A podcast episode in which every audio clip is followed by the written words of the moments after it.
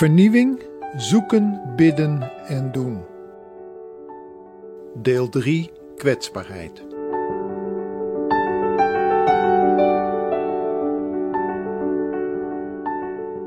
In deze tijd van toenemende radicalisering en polarisatie heb ik in navolging van Paulus opgeroepen tot zelfonderzoek. De woorden van Paulus aan de gemeente in Korinthe zijn eveneens aan ons gericht.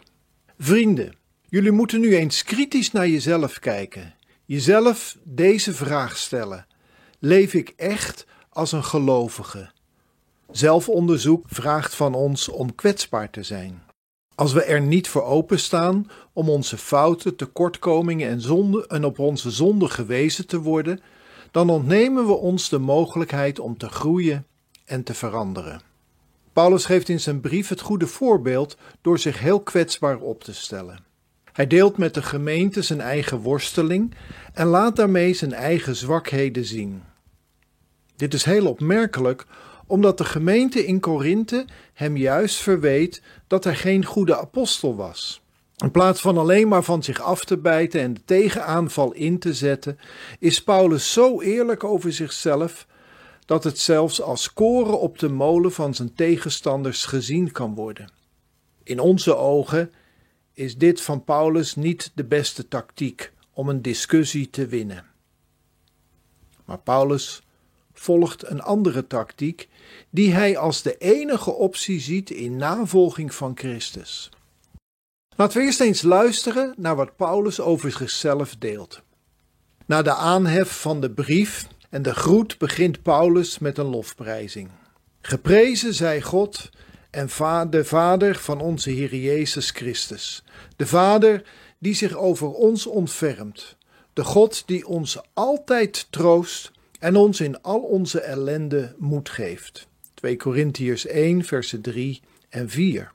Nadat hij heeft uitgelegd hoe Gods vertroosting werkt, komt Paulus met een eigen getuigenis van wat hij zelf heeft meegemaakt.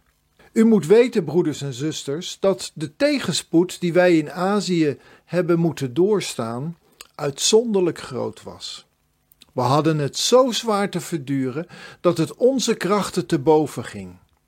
We vreesden ernstig voor ons leven en we waren er zelfs zeker van dat het doodsvonnis al over ons was uitgesproken. Hoofdstuk 1, versen 8 en 9. Paulus laat niet veel los over wat er nu precies gebeurd is, maar hij geeft aan hoe hij die situatie heeft beleefd. Waar hij naar verwijst, ligt waarschijnlijk nog vers in zijn geheugen. Op het moment van het schrijven van deze brief verblijft hij in Macedonië op zijn derde zendingsreis. En daarvoor was hij in Azië geweest en minstens twee jaar in Efeze verbleven. En daar moet het gebeurd zijn, in Efeze of op weg naar Macedonië. Hij beschrijft zijn ervaringen in de wijnvorm. Was hij inderdaad met anderen, bijvoorbeeld met Timotheus, of is dit slechts een wijze van schrijven waarmee hij zichzelf bedoelt? We weten het niet. Met de spaarzame informatie die we hebben, kunnen we aan twee mogelijke situaties denken. De eerste optie is dat Paulus verwijst naar de oproer die Demetrius had veroorzaakt in Efeze en waar Handelingen 19 over schrijft. Of misschien een andersoortige weerstand die hij heeft ondervonden.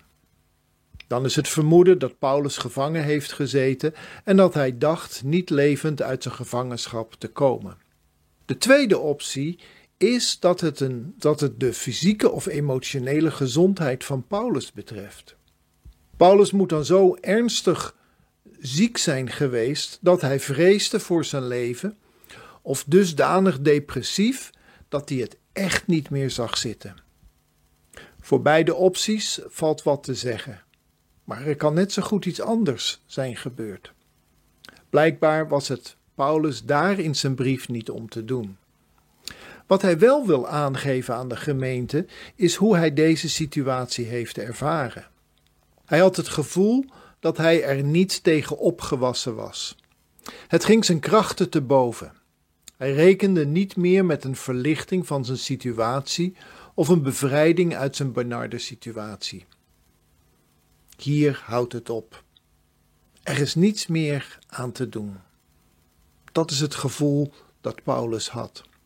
Deze confessie is opmerkelijk omdat hij in zijn eerste brief aan de gemeente geschreven had dat God niet toestaat dat wij boven onze krachten beproefd worden. En hier zegt hij: Het ging mijn krachten te boven. En aan de Filippenzen had hij geschreven: Ik ben tegen alles bestand door Hem die mij kracht geeft. En met dit getuigenis zegt hij: Ik had het gevoel dat ik er doorheen zat, dat ik niet bestand was. Hier is een apostel die zo eerlijk is om toe te geven dat hij er helemaal doorheen zat en dat de bemoedigingen die hij steeds aan anderen heeft gegeven voor hem in deze situatie niet gewerkt hebben. Hij zegt: Ik ben niet een superapostel, maar hij heeft ook zijn zwakke momenten. Dit geeft hij toe in een brief aan een gemeente waar vele kritieken op zijn apostelschap hadden. Paulus durfde het dus aan om zich ook in deze pijnlijke situatie kwetsbaar op te stellen. Verderop in de brief erkent hij ook dat hij zo onrustig was dat hij van de geopende deur om het evangelie in Troas te verkondigen geen gebruik heeft gemaakt en verder is gereisd. In andere woorden, hij erkent dat zijn zorgen hem zo in beslag hadden genomen dat hij niet goed kon functioneren als apostel. Het delen van de kwetsbaarheid was niet waar het Paulus om te doen was. Wat hij uit deze situatie geleerd heeft, geeft hij als volgt weer. Maar juist dat, het ervaren van zijn kwetsbaarheden, liet ons beseffen dat we niet op onszelf moeten vertrouwen, maar alleen op de God die doden opwekt, die ons heeft gered en ons opnieuw zal redden uit eenzelfde doodsgevaar. Op Hem hebben we onze hoop gevestigd. Hij zal ons redden. Versen 9 en 10 van hoofdstuk 1. Toen hij het niet meer zag zitten, bevrijdde God hem en ontving hij nieuw perspectief. Door deze ervaring is Paulus gegroeid in zijn vertrouwen in God en durfde hij het aan om zijn eigen beperkingen en tekortkomingen te erkennen. Door de verdieping van zijn vertrouwen in God kan Paulus zich kwetsbaar opstellen. Later in zijn brief zal hij schrijven dat Gods kracht zich ten volle openbaart als iemand zwak is. Dit is wat hij heeft geleerd en daarom schaamt hij zich niet voor zijn eigen zwakheden. Kwetsbaar zijn is dus een vrucht van geloof en een vrucht van vertrouwen in God. Kwetsbaar zijn is geen natuurlijke menselijke eigenschap. Want in de survival of the fittest is kwetsbaar zijn de verkeerde strategie. Want je gaat er juist om dat je je kracht laat zien om te voorkomen dat je het onderspit moet delven. De Bijbel noemt dit gedrag van de natuurlijke mens, de mens die Christus niet kent. Maar wie Christus wel heeft leren kennen, gaat leren om zichzelf en de eigen vaardigheden minder belangrijk te vinden. En dan ontstaat er ruimte voor de visies en bijdragen van anderen. Dan groeit het besef dat wij situaties niet kunnen veranderen en dat wij moeten loslaten, zodat God zijn werk kan doen. En vanuit dit inzicht wordt het steeds makkelijker om onze zwakheden en beperkingen toe te geven. We durven dan ons kwetsbaar op te stellen. Als we dan kwetsbaar zijn als vrucht van de geest zien, dan vrees ik dat het slecht gesteld is met de kerk van nu. Ik noem twee algemene voorbeelden die ik in de wijvorm omschrijf, omdat ik ze ook bij mezelf herken. Ten eerste houden we in conflicten met mensen in de kerk veel te veel vast aan ons eigen gelijk of onze eigen visie, zonder de mogelijkheid open te houden dat de ander ook wel eens gelijk kan hebben. Dit besef vraagt om kwetsbaarheid door onze eigen mening tussen haakjes te plaatsen. Want wie zegt dat ik gelijk heb of dat mijn interpretatie van de Bijbel de enige juiste uitleg is? Ben ik in staat om mijn huidige mening in te wisselen voor een betere? Met deze instelling wordt degene die er heel anders over denkt dan ik, een broer of zus waar ik wat van kan leren, in plaats van iemand die bestreden moet worden. Tweede voorbeeld heeft ermee te maken dat we in mijn ogen veel te veel vanuit onze eigen kracht werken. In de afgelopen week hoorde ik in een aantal gesprekken die ik had met mensen over allerlei verschillende dingen in de kerk deze woorden. We hebben de lat veel te hoog gelegd. En ik proefde in deze woorden de verzuchting dat het streven om alles nog beter, spetterender, aantrekkelijker te maken, juist als een juk wordt ervaren. Het steeds weer moeten voldoen aan de verwachtingen van mensen.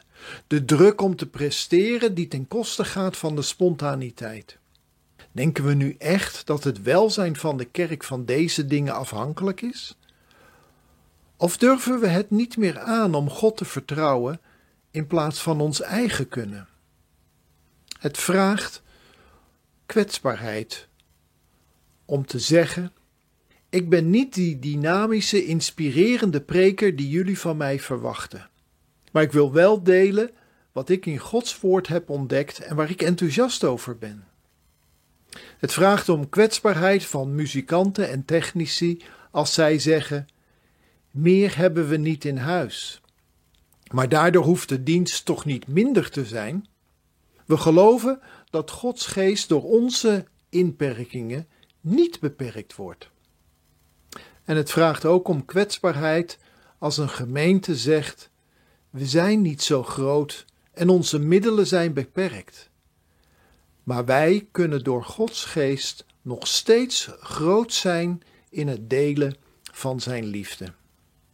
Laten we bidden dat de geest ons geloof doet groeien, zodat wij het aandurven om ons kwetsbaar op te stellen, in plaats van steeds maar weer onszelf te verdedigen. Gods woord aan Paulus: Je hebt genoeg aan mijn genade want mijn kracht openbaart zich juist ten volle wanneer iemand zwak is. Deze woorden moeten ook wij horen in onze situatie.